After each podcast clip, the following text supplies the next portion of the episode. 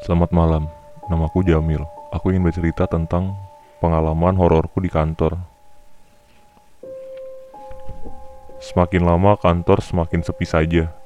Beberapa temanku sering tidak masuk, beberapa resign, dan yang lainnya sering pergi keluar kantor dengan berbagai alasan. Sementara aku di sini, satu-satunya orang yang dipercaya untuk selalu standby di ruangan. Jaga kandang ya Mil. Begitu biasa teman-teman memintaku untuk tidak pergi ke mana pun. Sebagai anak baru, aku hanya bisa mengangguk dan menurutinya.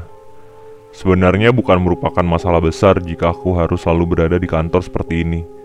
Namun masalah terbesarnya adalah gedung tempat bekerja sepertinya memiliki penunggu. Banyak hal aneh yang kutemui di sini. Beberapa teman juga pernah bercerita tentang penampakan wanita berbaju merah di kantor. Penampakan wanita itu tidak kenal waktu. Bisa pagi, siang, sore, ataupun malam. Aku pribadi memang belum pernah melihatnya, dan aku sama sekali tidak berharap untuk bisa bertemu dengannya. Menurut beberapa keterangan para pekerja senior, pada zaman Belanda, gedung ini adalah sebuah rumah sakit. Saat itu konon ada seorang wanita berbaju merah yang tengah hamil tua dan hendak melahirkan di sini. Namun, malang karena kondisi bayi itu terlilit tali pusar dan saat itu pihak rumah sakit belum memiliki alat yang memadai. Akhirnya, ibu beranak itu pun tewas. Kemudian pada saat Orde Baru, gedung ini difungsikan oleh Bank Duta. Setelah itu sahamnya dibeli oleh perusahaan BUMN yaitu PT Telkom hingga saat ini.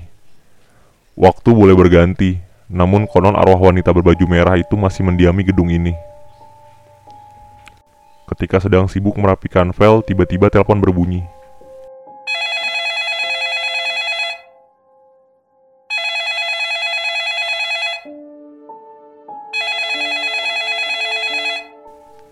Tidak ada orang lain yang bisa diandalkan untuk mengangkat telepon itu selain aku sendiri. Mbak Mira, satu-satunya teman setiaku yang paling betah berada di ruangan tengah cuti melahirkan. Selamat siang. Dengan Jamil di sini, ada yang bisa saya bantu? Sapaku sambil membolak-balik file. Hey Mil, ini Andi.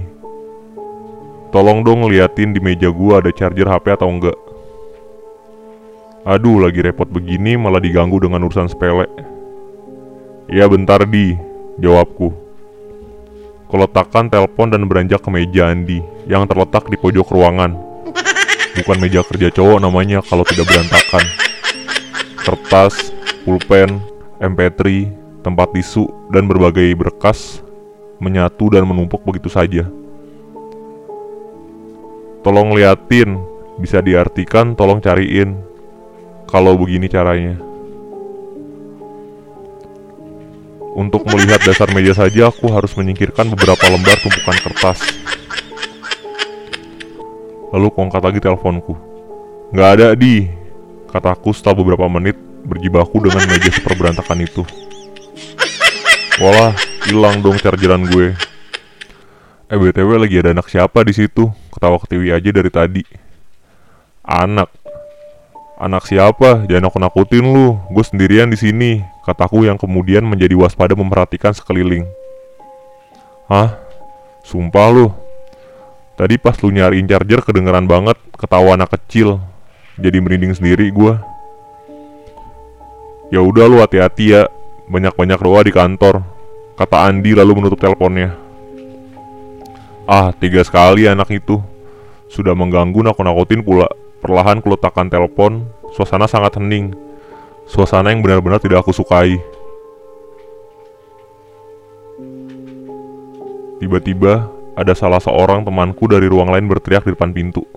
Gempa, gempa. Aku cepat menoleh dan mendapatinya tengah berlari. Tanpa pikir panjang, aku pun langsung lari meninggalkan ruangan dan mengikuti langkah temanku itu menuju ke pintu darurat. Ya sesuai dengan petunjuk keamanan gedung. Ketika terjadi gempa, kita tidak boleh menggunakan lift dan lebih disarankan turun gedung melalui tangga darurat. Langkah kami saling bersautan. Sama-sama terburu-buru demi menyelamatkan diri. Ketika berlari melewati salah satu ruangan, kulihat beberapa teman di sana masih sibuk bekerja. Jangan-jangan mereka tidak sadar sedang terjadi gempa. Mbak, gempa, ayo turun, ajakku sambil melongok ke dalam. Ketika kembali berlari menuju ke pintu darurat yang sudah dekat, aku sudah tidak melihat temanku tadi. Cepat sekali langkahnya.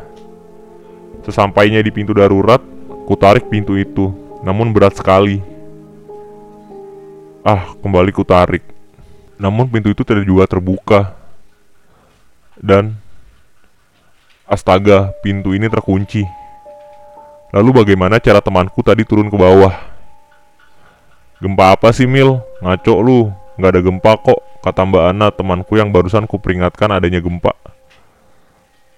Tiba-tiba aku menyadari, sebuah hal bodoh. Benar, sebenarnya aku juga tidak merasakan adanya gempa, karena tengah dalam situasi takut dan panik ditambah berita gempa dari seseorang. Tanpa berpikir panjang, pikiranku jadi menerima begitu saja. Tiba-tiba aku menyadari satu hal yang lebih mencengangkan lagi. Pintu darurat ini terkunci rapat. Lalu bagaimana cara orang tadi menghilang dari lorong ini? Tak ada pintu lain di sini. Lagi pula, sepertinya aku tidak mengenali sosok orang tadi. Suaranya, wajahnya tidak pernah kutemui sebelumnya. Seorang wanita berambut panjang berwarna merah.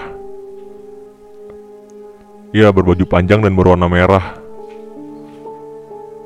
Akhirnya aku bertemu dengan wanita itu yang sangat ramai diperbincangkan di kantor.